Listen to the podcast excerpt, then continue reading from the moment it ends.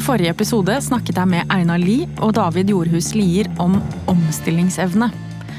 Vi snakket om tidligere omstillinger, og ikke minst den vi nå skal gjennom.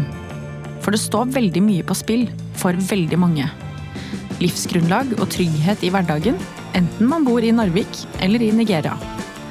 Og skal vi lykkes, må dette bli en rettferdig omstilling. At vi klarer å endre oss på en måte som gjør at folk faktisk ønsker å bli med. At valgene vi tar, kan bidra til å bringe folk ut av fattigdom og utjevne forskjeller mellom fattig og rik. Men klarer vi dette uten at det blir for smertefullt? Vil alle ha en reell mulighet til å faktisk komme seg gjennom det grønne skiftet? Eller er det kun for de rikeste? Si hei til Tor Håkon Inderberg fra Fridtjof Nansens institutt. Han skal forklare meg mer om energiomstilling. Du hører på Sofies grønne skifte. Jeg syns dette er kompliserte greier, så aller først trenger jeg en kort innføring i energiomstilling. Tor Håkon, kan ikke du beskrive for oss vanlige dødelige folk, hva er det vi egentlig står oppi nå? Det som vi ofte eh, tenker på med energiomstilling, når vi snakker om det i klimasammenheng, i hvert fall, så er jo det å ta ut de energikildene som eh, slipper ut karbon. Så vi avkarboniserer energisystemet vårt, da, når vi tenker på det helt stort. Så Det er jo flere ting, da, men i praksis så betyr det å slutte å bruke energi som er basert på fossile energibærere. Det er jo gass og olje og kull og sånne ting. Um, som vi må få ut, og da må det også erstattes av noe helt annet. da. Hva da? Hovedstrategien er jo elektrifisering. Ja. At vi putter inn mer ren elektrisitet inn i systemet, og de aktivitetene som vi har som bruker uh, fossile energibærere, de, de, må da bruke strøm isteden, rett og slett. Mm. Ja. Um, sånn helt ærlig, hvordan syns du det går? Det går litt sånn passe. Og, ja. altså, det er jo en full omstilling på gang, og vi elektrifiserer, men det er store hindre her. Så hvis vi ser fram mot 2030, som er det nærmeste målet vårt uh, Vi skal jo uh, avkarbonisere, eller redusere utslipp med 55 da, mm. innen 2030. Så går ikke det så veldig bra. Nei. Vi har en energiomstilling som da inneholder mye elektrifisering. Det er en del andre ting også. Men vi har et stort problem at vi ikke greier å putte nok strømproduksjon, nok ny strømproduksjon, inn i systemet vårt. og Sånn at vi kan bruke det til noe mer fornuftig. Hvorfor går det så treigt? Eller hvorfor går det liksom ikke så bra? Det har jo vært ganske mye motstand mot uh, ny strømproduksjon, som vindkraft på land særlig. Solkraft er jo fremma som en av de tingene som kan hjelpe, og det kan det jo. Uh, men det går enda ikke raskt nok der heller. Vi ser at hindre mot havvind uh, begynner å komme. Det er begrensninger på hvor mye ny vannkraft vi kan bruke. Og det er også begrensninger på hvor, hvor realistisk det er å spare veldig store mengder med strøm. da. Norge produserer ca. 146 TWh med strøm per år. Og skal vi redusere utslippene våre med 55% innen 2030, så kreves det mer elektrifisering, altså mye mer strøm. Energikommisjonen har sagt at vi kan trenge opp mot 40 nye terawattimer i tillegg til dagens 146. Alt dette kommer jo fra den, Det er to, to, særlig to drivere. Det er elektrifisering, der vi skal erstatte disse fossile energikildene. Og det er særlig eh, industri da, og mm. transport som, som, trenger å erstatte med strøm. Men det er også nyetablering av, av industri. Som, eh, alt fra batterifabrikker til, eh, til datasentre til annen tradisjonell industri, som vi snakker om. Som, som, har behov for disse her. Da. Og der ligger jo det største utfordringen, kanskje, for, for den, det som vi snakker om når vi mener energiomstilling akkurat her. Da. Og det er litt vanskelig å illustrere for hvis vi elektrifiserer sokkelen, så går det omtrent 10 TWh på det. 10-12 TWh på det. Så Der ligger det sånne valg som er veldig sånn politisk vanskelig også. da. Det er omtrent like mye vindkraft som vi har installert i, i det samme tallet, som kan dekke elektrifisering av sokkelen allerede. Så det er jo en sånn ting man kan legge merke til hvor mye utfordringer det blei i eh, motstand. Eh, og det er jo også en av de tingene som er utfordrende med med den nye produksjonen for alle de energiformene som jeg nevnte i stad, med vannkraft, ny vannkraft, vindkraft, solkraft, alle disse legger store beslag på arealer. Mm. Og påvirker naturmangfoldet, som jo også er en pågående krise som vi har. da. Ja. Så det blir ikke lett, det her. Hvordan kan vi redusere behovet eller forbruket? Der er det litt viktig å huske på at husholdningene i Norge de er ikke de som er de store forbrukerne. Og, og der har faktisk forbruket gått noe ned over de siste årene. Det betyr ikke at vi ikke kan spare masse energi på å etterisolere og, og gjøre tiltak hjemme. Mm. Men de store tallene de ligger hos industrien, og effektivisering av prosesser. Eh, ja. Og spare energibruk der, da. Og så må vi huske på at ofte når vi går over til elektrisitet, så er det en mer effektiv energiform i seg selv. Så det mm. betyr at man ofte bruker mindre energi med å bruke elektrisitet istedenfor f.eks. fossile energikilder da, direkte. Mm. Mm. Så, men, men, potensialet der er litt sånn Det avhenger av veldig mange faktorer, da. Så det spørs på kostnadsbildet særlig, og hvor høy eh, kraftprisen er, og hvor høy karbonprisen er på EU sitt kvotehandel og en del sånne tekniske ting. Um, men eh, NVE opererer vel med nå med ca. 10 TWh som man kan spare fram til 2030. Mm. Håper vi. Hva er det som er mest krevende med dette? Hvis vi skal ha ny kraftproduksjon inn, så er det dette med legitimitet og aksept og, og, og den biten. Mm. Vi har jo hatt store utfordringer rundt vindkraft, som de fleste har fått med seg, tror jeg. Uh, og det er ingen grunn til å tro at de andre, andre energiformene, eller de andre teknologiene for å produsere elektrisitet er konfliktfrie heller. Vi forventer økte konflikter på solkraft. Hvis vi begynner å se det nå på havvind. Eh, vannkraft er langt fra konfliktfritt, det heller. Det er kanskje en av hovedutfordringene for akkurat det. Eh, men når det gjelder det større bildet på omstilling, så er det jo mange aktører og mange organisasjoner og mennesker som må gjøre andre ting. Eller slutte å gjøre en del ting. Og det er klart Hvis man driver en bensinstasjon eller har levebrødet sitt innenfor eh, petroleumsvirksomheten, så er det ganske tøffe ting som skal gjøres, og mye usikkerhet rundt det. Så mm. helt på sånn menneskelig nivå så er det, er, det, er det, vanskelig. Men det er vel ikke bare å slutte å gjøre en del ting, eller legge ned masse industri og aktivitet heller? Sånn helt overordna så er det en av de største utfordringene, kanskje. Mm. Um, og det er klart, innenfor i et demokratisk system der vi har mange interesser som er gyldige, og mange har uh, ting som de driver med som er verdifulle, så er det tøft å slutte å gjøre noe. Og det er klart, hvis, hvis vi, alle disse tiltakene som vi snakker om på siden, sånn teknologiske fikser og spare litt energi her og, her og der og sånne type ting, uh, det er en viktig del av omstillinga, men hvis ikke vi kommer helt i mål, så er det ikke så mange ting vi kan gjøre. Da kan vi enten bryte klimamålene og gi blanke de, mm. eller, så vi, eller så må vi forte oss litt og innføre enda mye sterkere politikk. Eller så er det fort sånn at vi må kanskje begynne å snakke om hva slags industri som skal få lov til å slippe ut, og, hva, og ta sånne mye, mye tøffere valg som eh, er åpenbare sånne ikke-valgvinnere. da. Mm. Så det er veldig vanskelig, tror jeg, å få politiske partier med på sånne type beslutninger i det offentlige, som i hvert fall på um, de som, sånne politiske tiltak som biter de sånn umiddelbart. Og det er nok litt Eh, eller mye derfor vi også kjenner igjen det slagordet rundt eh, petroleumsaktiviteten til Norge, at vi skal utvikle og ikke avvikle, da, mm. og sånne type ting. Da. Nettopp. Men er det noen eh, smartere måter å skaffe mer strøm som vi ikke snakker så mye om? Kanskje en av de tingene som har vært mye på agendaen i media nå i det siste, er jo atomkraft, mm. selvfølgelig. Um, det kan godt hende at det kan være aktuelt på litt lengre sikt, men det er mange grunner til at det ikke Det, det kan i hvert fall ikke hjelpe oss fram til 2030-målene, for å si det sånn. Mm. Men fram mot 2040 og 2050 så, så, bør man nok holde åpent for at det kan være en mulighet, det også. I denne podkasten forsøker jeg å få et litt klarere bilde av hva som skal til for at vi kommer oss gjennom et rettferdig grønt skifte på best mulig måte. Hva tenker du er viktig for at vi skal lykkes?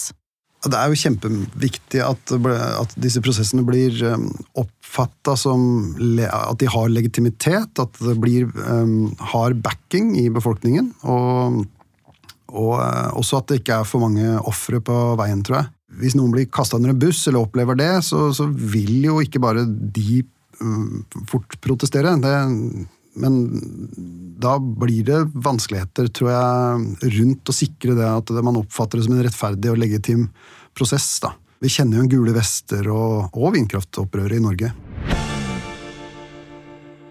Nå vil jeg snakke litt om noe som ikke er snakket så mye om i Norge tidligere, nemlig energifattigdom. Hva betyr det? Det betyr egentlig rett og slett at man ikke har mulighet, eller kanskje ikke råd, til å varme opp eller kjøle ned boligen og eh, til det som er naturlig å forvente. da. Både fysisk eh, behov og sosial trivsel og velvære, egentlig. Så at man ikke kan eh, ha det varmt nok, f.eks. i Norge på vinterstid, er et sånn typisk eksempel på mm. det. da. Helt konkret, hvordan kan det se ut? Det vi ser, er at eh, ofte så tar det sånne former som er ikke så veldig hyggelige. Folk trekker seg tilbake igjen. De må kanskje, det er, vi vet det er enkelte som velger mellom å spise varm mat eller spise middag, eller ha det varmt nok. Mm. Eh, mange av de legger seg kanskje rundt middagstider og ligger under, i senga eh, frem til dagen etter. Eh, de kan ikke ha gjester, eller ønsker ikke å ha gjester, fordi det er så skambelagt, denne situasjonen, å ha det for kaldt. Eh, og hvis de har gjester, så kanskje de varmer opp der og da, og så, og så blir det problemer senere for økonomien. De har ofte utfordringer knytta til mobilitet. Eh, at de ikke kommer seg ut noe særlig. De blir marginalisert på boligmarkedet, vet vi. Det er veldig vanskelig for de å konkurrere med studenter eksempel, eller andre som kanskje ikke har høy betalingsevne, men som ønsker å leie bolig. De er ofte ikke attraktive på boligmarkedet, på, på, eller på leiemarkedet. Det er og vi vet også det er en del helse, helseutfordringer knytta til det her. Da. Så Det er sånn det ser ut, så langt vi kjenner til. Uh, og det er ikke så veldig hyggelig bilde, og det er mange som tenker at dette er noe som kanskje Norge ikke kan være bekjent av. Da. Og hvem er det som står i fare for å ikke være med, eller bli med? Mm, der vet vi egentlig ikke så veldig mye i Norge enda. Det er forska mye mer i utlandet. Dette fokuset kommer egentlig fra Storbritannia, opprinnelig på 90-tallet. Men vi vet jo at det er, eh, eksisterer i Norge, det har vi undersøkt på Fridtjof. Og vi vet også at de ikke har det greit i det hele tatt. Da. de, vi tror vi vet litt om bakgrunnen til de som havner i energifattigdom. Og mange av dem har jo lav inntekt, selvfølgelig, og det er noe overlapp med Ehm, økonomisk fattigdom, eller det vi tenker på når vi snakker om vanlig fattigdom. Mm. Men vi ser også at det er eh, helt andre faktorer i tillegg til det at det er ganske komplekse årsakssammenhenger. Eh, så trygda er overrepresentert. Enslige forsørgere med flere barn i husholdningen er overrepresentert. Innvandrere er sannsynligvis overrepresentert. og Det har kanskje også med sosiale nettverk og tilgang på andre typer energikilder, som ved. En del sånne ting som vi, som vi vet litt om, men som vi vet altfor lite om. For det fins ikke noe forskningsprosjekter som har vært på det her, og, og det fins ingen offisiell um, offisielle mål på det i Norge, Nei. men det jobbes med saken på det. Ja, men Hvorfor vet vi ikke mer om hvem disse menneskene er, eller disse gruppene? Det offentlige Norge har aldri undersøkt det her. Mm. Um, mye av grunnen til det er kanskje at vi har vært heldige og hatt uh, generelt høy betalingsevne og vilje i Norge. Og, uh, og, og, veldig lav kraftpris, strømpris særlig. Vi er veldig strømavhengige i Norge. Vi, vanlig som forbruk på husholdning er tre-fire ganger så høyt i Norge på strøm som, på, uh, som i resten av Europa, mm. med noen unntak. Men det er jo fordi de bruker gass og andre energikilder. Vi, vi holder oss mer på strøm. Mm. Ehm, så vi er litt sånn sårbare, men, men, vi har også vært veldig heldige. Helt den, Nå har det jo blitt mye ja. oppmerksomhet på å betale regningen. Strømkrisa. Ja, mm. strømkrisa. Ehm, men dette er en gruppe som, vi, som har vært der hele tiden, mm. og som, som, eh, er veldig viktig å, å, å kjenne mer til, så vi kan finne riktige tiltak for å hjelpe dem. Mm, ja, hvordan kan vi få bukt med dette her, da? Hva er løsningene?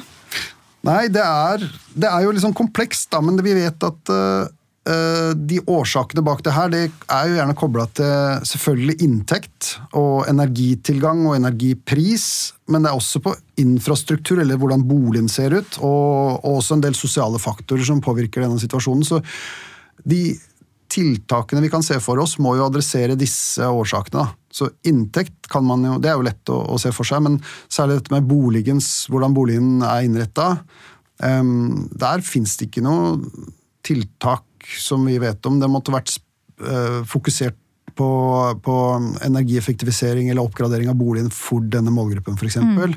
Så i form av støtte fra staten? Ja, det kan det være. Altså, de har jo en del sånn Nav-tiltak, og, og, mange av de går på arbeidsavklaringspenger, viser det seg, av de som vi har vært i kontakt med.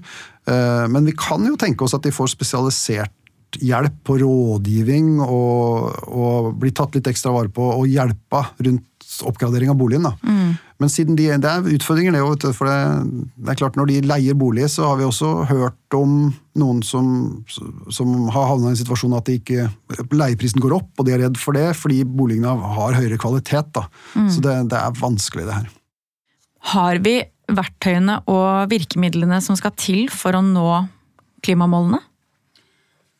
Det er jo eh, veldig fristende å svare nei på det, gitt eh, det vi har snakka om litt tidligere, at vi ser jo ikke ut som vi klarer i hvert fall 2030-målene mm. eh, nå. Det er nært, det er bare sju år unna. Ja. Eh, sånn som det ser ut, og regjeringen selv sier jo det at vi ligger an til å klare ca. halvparten med nåværende politikk.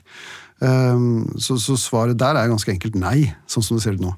I Norge har vi en klimalov fra 2017 som skal sikre mer langsiktig klimapolitikk og sørge for at regjeringen holder det den lover. Hvordan fungerer den, syns du? Den som vi har i Norge nå, den fungerer, vil jeg påstå, ikke fungerer veldig godt etter formålet. Uh, mye av grunnen er at den mangler noen bestanddeler som hører sammen. Da. Så hvis vi reduserer et, uh, dette til egentlig tre viktige ting, så handler det om, uh, egentlig om å skape et felles mål, langsiktig mål, Eh, og det er jo da utslippsmålene. Eh, og så er det noe som heter karbonbudsjetter, som eh, egentlig er delmål. da. Og de karbonbudsjettene det vil jo da forplikte sittende regjering direkte for å lage tiltak innenfor deres egen regjeringsperiode. Mm. Den tredje ingrediensen som er ganske essensiell, er, en slags vaktbikkjeordning, eller et utvalg av en eller annen slags form, som overvåker politikken til regjeringen. I andre land så ser vi de fleste klimalover har det. Eh, dette ble etablert i den, den britiske eh, klimaloven fra 2008, som er på en måte gullstandarden. Og akkurat det med den klimakomiteen som de har, det, de, den henger regjeringen opp til tørk hvis de ikke forholder seg til eh, klimabudsjettene eller karbonbudsjettene på en ordentlig måte. Mm. Så Det mangler vi i Norge. Det har vi ikke en god løsning på i den norske klimaloven. Ja, Der er det konstant fuktige. Det er ikke noe til tørk der?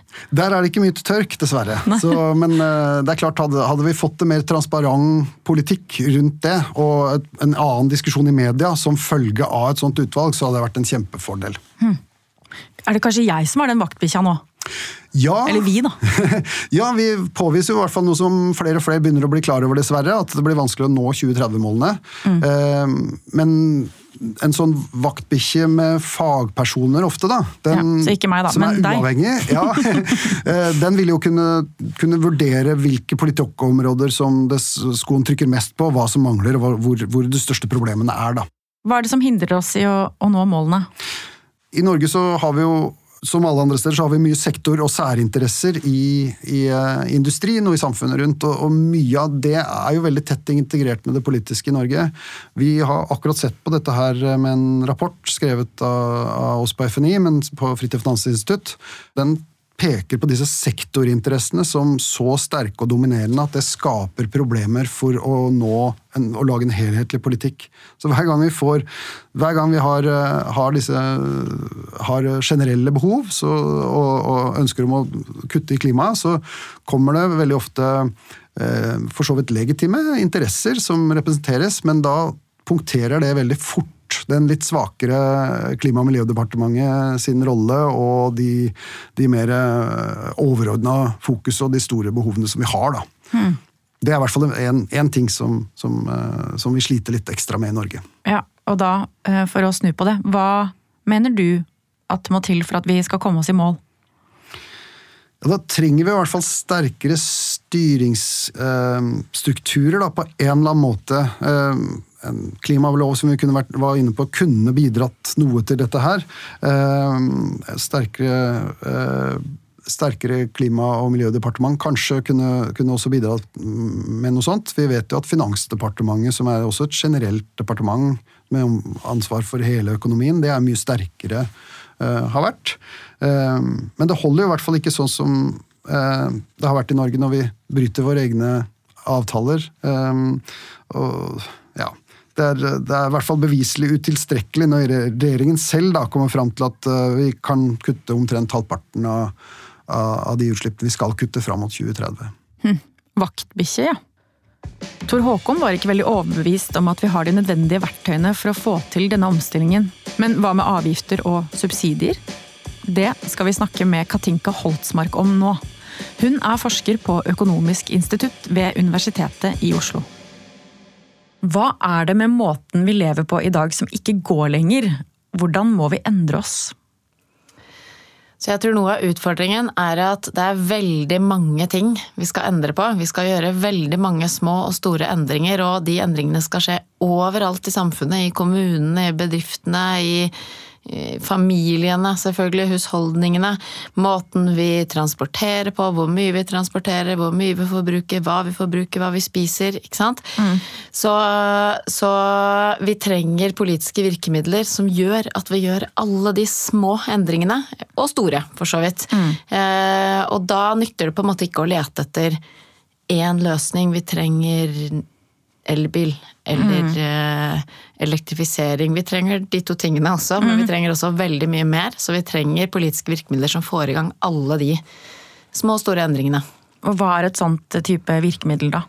Nei, så Av de økonomiske virkemidlene Jeg tror det er, mange ting som får i gang endringer. Noe av det viktige er f.eks. hva vi forventer om fremtiden. Hvilke signaler politikerne gir oss, hva de sier om hvordan eh, verden og økonomien vår og samfunnet og næringslivet skal se ut om 10 år, om 20 år, om 30 år. Eh, men i dag, her og nå, så er det å gjøre det dyrt å forurense tror jeg noe av det som er aller viktigst nettopp for å få i gang alle de endringene. Mm. For det er et virkemiddel som eh, dytter alle i retning av, Gir alle et insentiv. Alle bedrifter eh, vil tjene mer penger eller få lavere kostnader hvis de eh, vrir seg mot det klimavennlige. Hvis det er dyrt å bli, bidra til klimautslipp. Men Virkemidlet er samtidig sånn at det lar det være opp til hver enkelt bedrift, hver enkelt husholdning, hvert enkelt individ, akkurat hvordan de gjør det.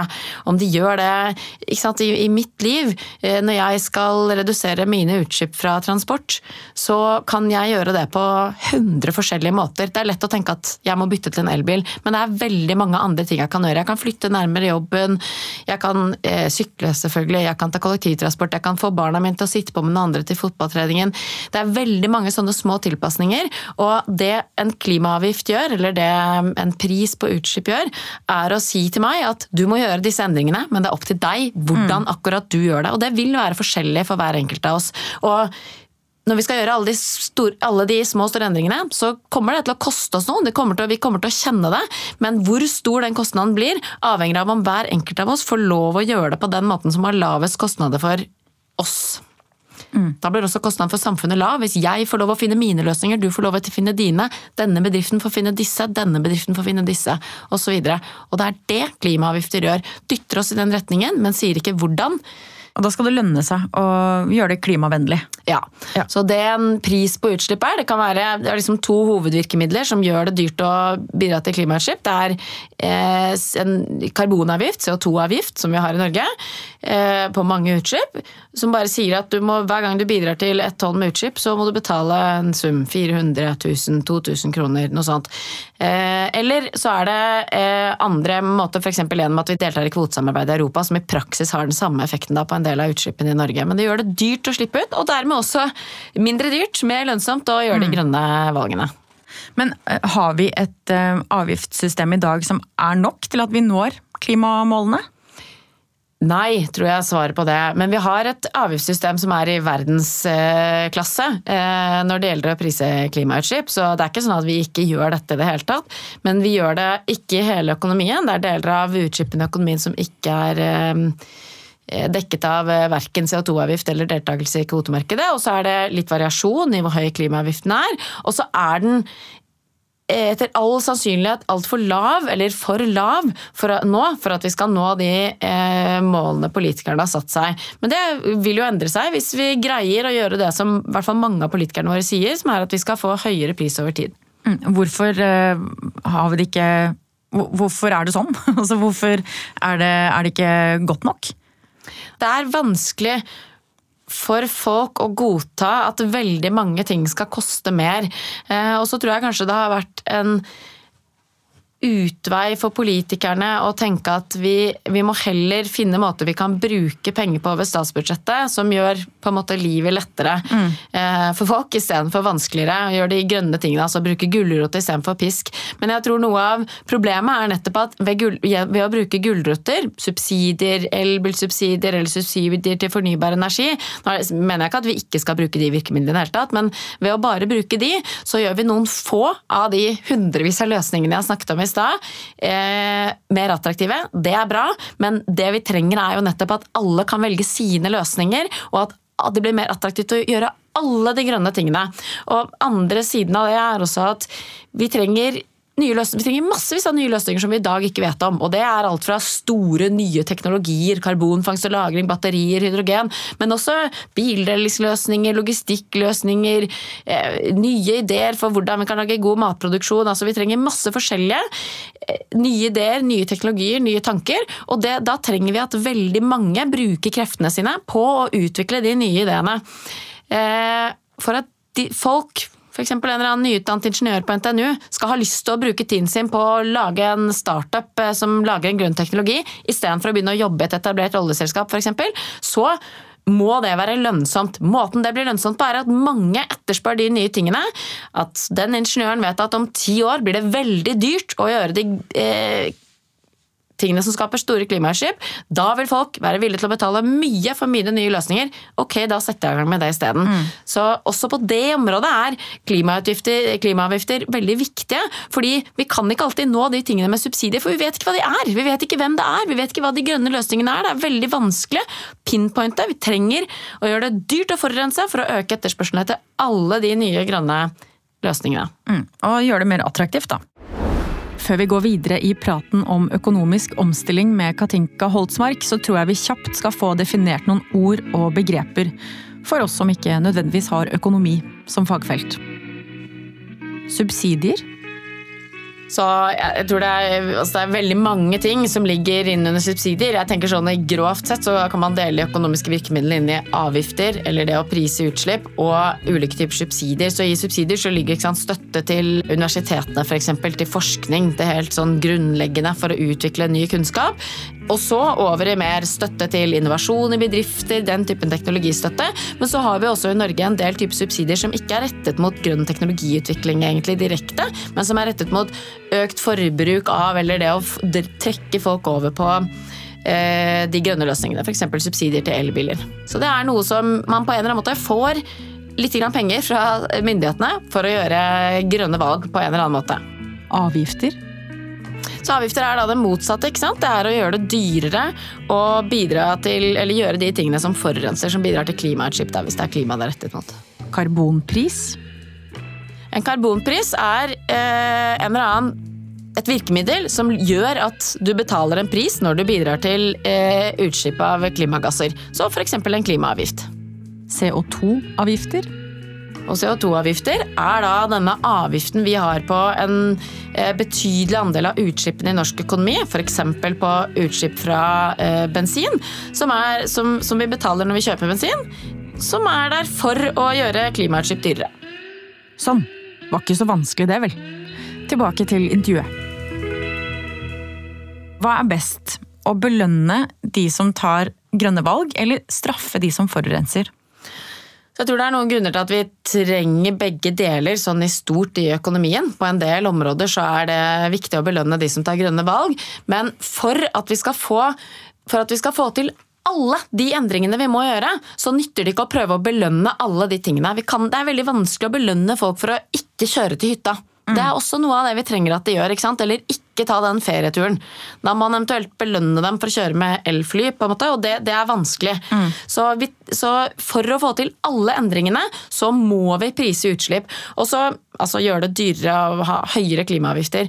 Og eh, det er også viktig å huske på at eh, det å belønne, det koster penger for staten, for fellesskapet. De pengene må vi ta fra et eller annet sted. Det er selvfølgelig umulig å se akkurat hvilken kreftbehandling var det vi ikke fikk gitt. På en måte. Men, eller hvem var det som ikke fikk en ekstra lærer? Men det er noen et sted eh, i fellesskapet som betaler for det. Mens klimaavgifter på den andre siden trekker penger inn til myndighetene, som gjør at vi f.eks. kan redusere skatt på inntekt eller gjøre andre ting. Som gjør at uh, folk får det bedre lettere økonomisk. Ja. Mitt inntrykk er at mange forbinder klimaavgifter med straff og tvang. Er det sånn, eller vil folk faktisk ha disse avgiftene? Tenker Det ene kanskje ikke utelukker det andre der. Det er jo straff og tvang. Altså, det er en måte for myndighetene å, å, tvinge oss til å redusere utslippene våre. Det er mindre straff og tvang enn å tvinge alle til å gjøre det på samme måte. Eh, ved å si at alle må, det er nå, fra nå er det forbudt å kjøre denne typen bil f.eks. Mm. Eh, så, så, men det er klart at det er en straff og tvang i det. Men det tenker jeg at vi, vi, jeg tror vi må, vi skjønner, de aller fleste av oss skjønner at denne omstillingen skjer ikke helt av seg selv. Eh, og over tid så vil det komme nye løsninger nettopp ved at vi gjennomfører dette dyttet i retning av at vi alle ser oss om etter de nye løsningene, vil de nye løsningene etter hvert komme, og da vil det bli mye enklere å forholde seg til. Er det sånn at vi bare kan justere litt, eller trenger vi en mer omfattende reform? Det er åpenbart at vi trenger ganske store endringer i økonomien. Vi kan ikke slippe ut, vi kan ikke transportere oss på den måten globalt som vi gjør nå. Og så kommer det an på teknologiutviklingen hvor store velferdseffekter dette vil få for oss. Men det er klart at der vi står i verden i dag, hvor vi skal kutte store utslipp på veldig kort tid, så er det store endringer som må gjøres. Men det betyr både at det er store endringer, men også at det er veldig mange endringer. Mm. Og det, det, trenger jo ikke å være verre, få mange endringer, det trenger ikke å være verre eller vondere enn få endringer. Tvert imot. Det kan være sånn at nettopp det at vi tillater oss å gjøre alle de små endringene, eh, kan gjøre at vi får en lettere vei mot lavere utslipp enn eh, det å tvinge alle inn i noen få løsninger. Ja, det er litt som å, Hvis du skal rydde huset, så er det bedre å bare rydde liksom litt og litt hele tiden. Istedenfor å vente til det er helt bomba, og så må du rydde alt. Det er klart. Det, så det er også et tidsaspekt ved det. Ja. Er, det er klart at det, det, vil være enklere å gjøre utslippskuttene eh, jo tidligere vi starter. Ja. Ok, Hvordan bør vi bruke klimaavgifter i omstillingen av Norge, tenker du? Vi skal bruke det på den måten at vi gjør det dyrere å bidra til klimautslipp, sånn at alle ser seg om etter nye løsninger. På den ene siden reduserer utslippene sine, men også at vi gjør det mer attraktivt å investere både stor kapital fra store aktører i næringslivet i Norge og internasjonalt, men også for hver enkelt ingeniør og smarte hode som har lyst til å bruke tiden sin på eh, å finne nye grønne løsninger, gjør det mer attraktivt, mer lønnsomt for dem å investere i de nye grønne løsningene. Så vi bruker klimaavgifter for å få utslippene ned nå, men også for å få de nye teknologiene og nye løsningene opp. Og hvilke konsekvenser vil det få for vanlige folk? Hvis vi øker klimaavgiften i dag, så vil det eh, slå inn i transportsektoren. Det vil gjøre det dyrere å kjøre bil, det vil gjøre det eh, dyrere å forbruke mye. Veldig mye av forbruket vårt det krever transport. Det krever lang eller kort, men det krever ulike former for klimautslipp både i produksjonen og transporten. Eh, og det vil gjøre det kanskje dyrere f.eks. å spise den, den, typen eh, altså kjøtt og de tingene som har større klimagassutslipp eh, mm. knyttet til seg. Men det vil slå inn overalt i økonomien vår, eh, også i privatøkonomien. Men sant, samtidig så vil de eh, skatteinntektene som staten får hvis vi hadde mye høyere klimaavgifter, kunne brukes for til å redusere inntektsskatten. Da kunne man få en situasjon hvor for veldig mange så vil ikke økonomien endre seg noe i det hele tatt. De som slipper ut veldig mye, vil få mye dårligere økonomi. De som slipper ut veldig lite, som typisk er de nederst i inntektsfordelingen, de vil kunne komme godt ut av denne endringen. Mm. Men alle får samtidig et insentiv til å redusere utslippene sine. Du er diktator for en dag. Hva hadde du gjort aller først? Så ikke så overraskende etter denne praten her, så hadde jeg økt eh, klimaavgiftene. Eh, hvis det var, hvis det var eh, klimautslippene som hvis det, Jeg tar, liksom tar, legger det som et premiss her at det er eh, for å redusere klimautslippene. Mm. Eh, og så samtidig kompensert ved å redusere andre skatter. Sånn at eh, vi alle et, fikk et insentiv til å redusere utslippene våre, uten at det gikk altfor hardt utover økonomien vår. Og det her må jo bli rettferdig. Så hvordan sikrer vi at det ikke bare er de rikeste som har råd til å få hverdagen til å gå opp? Så det gjør vi ved å eh, gjøre utslipp dyrt. Det vil eh, slå hardt inn i mange sine lommebøker som er lavt i inntektsfordelingen, fordi de lommebøkene er små fra før. Men, men det vil sånn i størrelse hvor mye man må betale, slår mye hardere ut for de høyeste inntektsfordelingen. Så man kan, man, hvis man bruker de pengene på en god, eh, rettferdig måte igjen over statsbudsjettet, f.eks. ved å redusere inntektsskatten kanskje mest for de med lavest inntekter, eh, så kan man få til veldig mye omstilling uten at det skjer på en veldig urettferdig måte. Mm, så det blir proporsjonalt, da? Ja. Etter å ha snakket med en del gjester i studio her, så frykter jeg både at det grønne skiftet blir vondt og vondere enn vi tror. Hva tenker Katinka om det? Synes Det er vanskelig å vite om det blir vondere enn vi tror, eller hva folk tror. Men jeg tror det som er viktig, er at det er Vi skal gjennom en stor omstilling. Så, og det betyr mye for lommebøkene til mange av oss, som vi nå allerede har snakket mye om. Eh, og da er det viktig at vi bruker de virkemidlene som gjør at, vi, at det blir minst mulig vondt. Mm. Um, og Det tror jeg er viktig både for at det skal bli minst mulig vondt, men også for at folk skal bli med på omstillingen. Samtidig så er det et aspekt ved det som, som uh, vi ikke har snakket om så langt. Det er jo at når økonomien skal omstilles, så er det en del arbeidsplasser som skal endre, en del som skal endre arbeidsplass, en del som skal gå fra å jobbe ett sted til å jobbe et annet sted. De, uh, og det må vi altså, Den omstillingen må vi også gjennom. og For dem vil det gjøre vondt på en helt annen måte. Mm. Da er det kjempeviktig at vi har sosiale eh, forsikringsordninger som treffer de gruppene godt. Som gjør at det å miste jobben ikke er en katastrofe, i hvert fall økonomisk. Ehm, så også tror jeg at det er viktig at vi ser at vi må møte det på den måten, ikke gjennom å forhindre omstilling. Mm. Tenker du at det er underkommunisert, dette med at det kommer til å gjøre litt vondt? Det kan godt hende det er underkommunisert. Um, og så er det samtidig samtidig kanskje også underkommunisert at det er en omstilling som, som, ikke skal pågå for alltid. Vi må slutte med en del ting. Og så skal det komme nye løsninger, så skal vi få nye måter å gjøre de tingene på. Men for at de nye teknologiene, nye tingene skal komme opp, så tror jeg det er nødvendig at vi først stopper å, eh, å, å, å gjøre de forurensende tingene. Eh, jeg tror det er et drømmescenario at vi skal kunne vente på at alle de nye teknologiene ligger på bordet. Så, men når, hvis vi tør stoppe med de tingene, vente på at de nye teknologiene kommer, så vil vi komme over i en ny økonomi som ikke er dårligere. Jeg er ikke redd for at mine barn skal få, det, få et dårligere liv fordi vi omstiller oss mm. eh, på en nødvendig måte. Kanskje tvert imot? Kanskje tvert imot, ja. ja blir litt hyggeligere her på denne mm. kloden. Mm. Får vi håpe. Ok, så hvordan skal dagens 20-åringer forholde seg til denne ukjente veien? Bør de være bekymra? Så Det er jo et uh, veldig personlig svar, men jeg tenker at bekymring er en veldig lite konstruktiv måte å møte utfordringer på helt ja. generelt. Ja. Så jeg tenker at dagens 20-åringer må engasjere seg politisk. De må eh, jobbe på for de løsningene som de har tro på, istedenfor å bekymre seg. Mm. Ja, Det var et godt svar. Men du er ikke redd? Jeg er ikke redd for, det, for verken omstillingen eller at vi ikke skal få det til. Jeg tror vi kommer eh, nærmere og nærmere, men det er klart at vi må gjøre mye mer enn det vi har gjort til nå. Mm. Ja, og da lurer jeg på, tror du at vi egentlig vil, sånn innerst inne, betale en høyere pris for å endre oss? Har vi det i oss? Jeg håper det. Ja. Eh, og jeg tror også det, og jeg tror mange av de tingene vi skal gjennom, mange av de endringene vi skal gjøre, det vil være litt sånn som vi som husker det, tenker på røykeloven. Mm. Eh, det føles helt absurd når det kommer, og veldig mange blir utrolige, men så tenker vi tilbake på det og tenker om 30 år tenker jeg at vi kommer til å se tilbake på Oslo sentrum og tenke Tenk at byen var full av biler! Det er absurd. Ja. Eh, og ha en mye bedre by på så mange måter. Mm, ja, nå, allerede føles jo det litt fjernt. Eh, steder som nå har blitt bilfritt. Mm. Rart å tenke på at der var det biler. Og nå er det jo absurd å tenke på å røyke Altså at vi røyka inne. Og på fly og sånn. Ikke sant? Jo... Så for, forhåpentligvis er det noe av det samme som kommer til å se. Vi kommer til å se at det, bli, det kommer til å gjøre vondt, mm. men når vi står på andre siden, så lever vi i et bedre samfunn. Ja, ja har vi politikere som faktisk vil, og som har mot nok til å ta tøffe valg? Det tror jeg.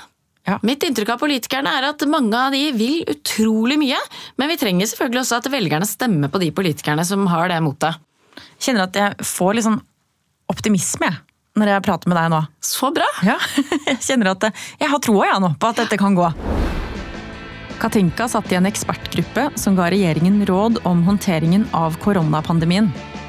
Er det noen likheter mellom pandemien og klimakrisen? Ja, det er jo to kriser hvor man trenger å gjøre store tiltak for å øh, komme til et bedre sted.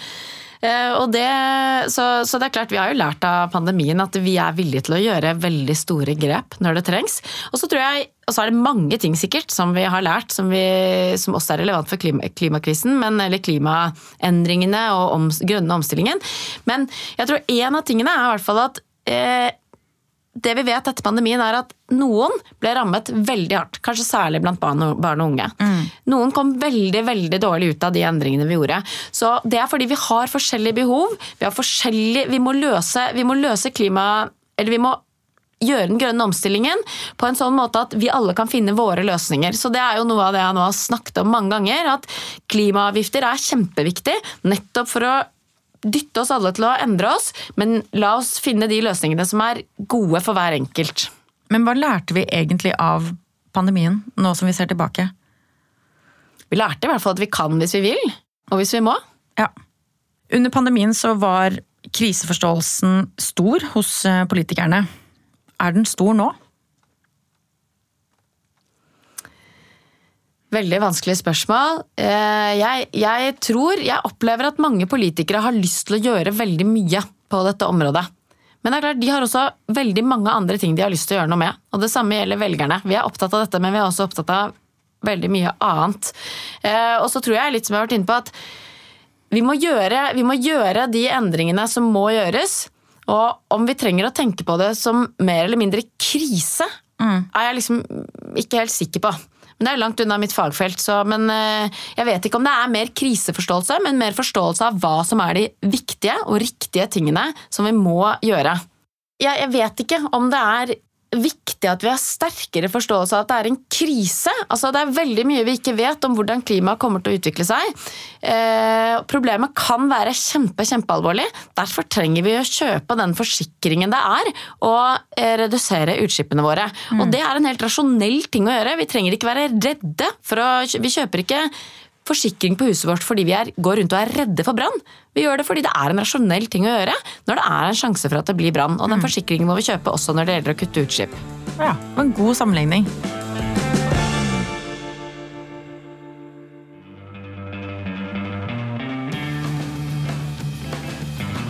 Denne podkasten er fra Universitetet i Oslo ved ansvarlig produsent Arild Blomkvist. Programleder er Sofie Frøysaa, produsent hos både og er Håkon Lange, og klipper er Olav Nedberget. Dersom du likte denne podkasten, vil jeg anbefale Sofiekuppel Norge, hvor Sofie Frøysaa inntar rollen som diktator, og gjennom seks episoder finner oppskrifta på å kuppe Norge. Dette er en episode i Universitetet i Oslo sin podkast Universitetsplassen. Her hører du forskere og gjester snakke om et vidt spekter av tema og viktige samfunnsspørsmål.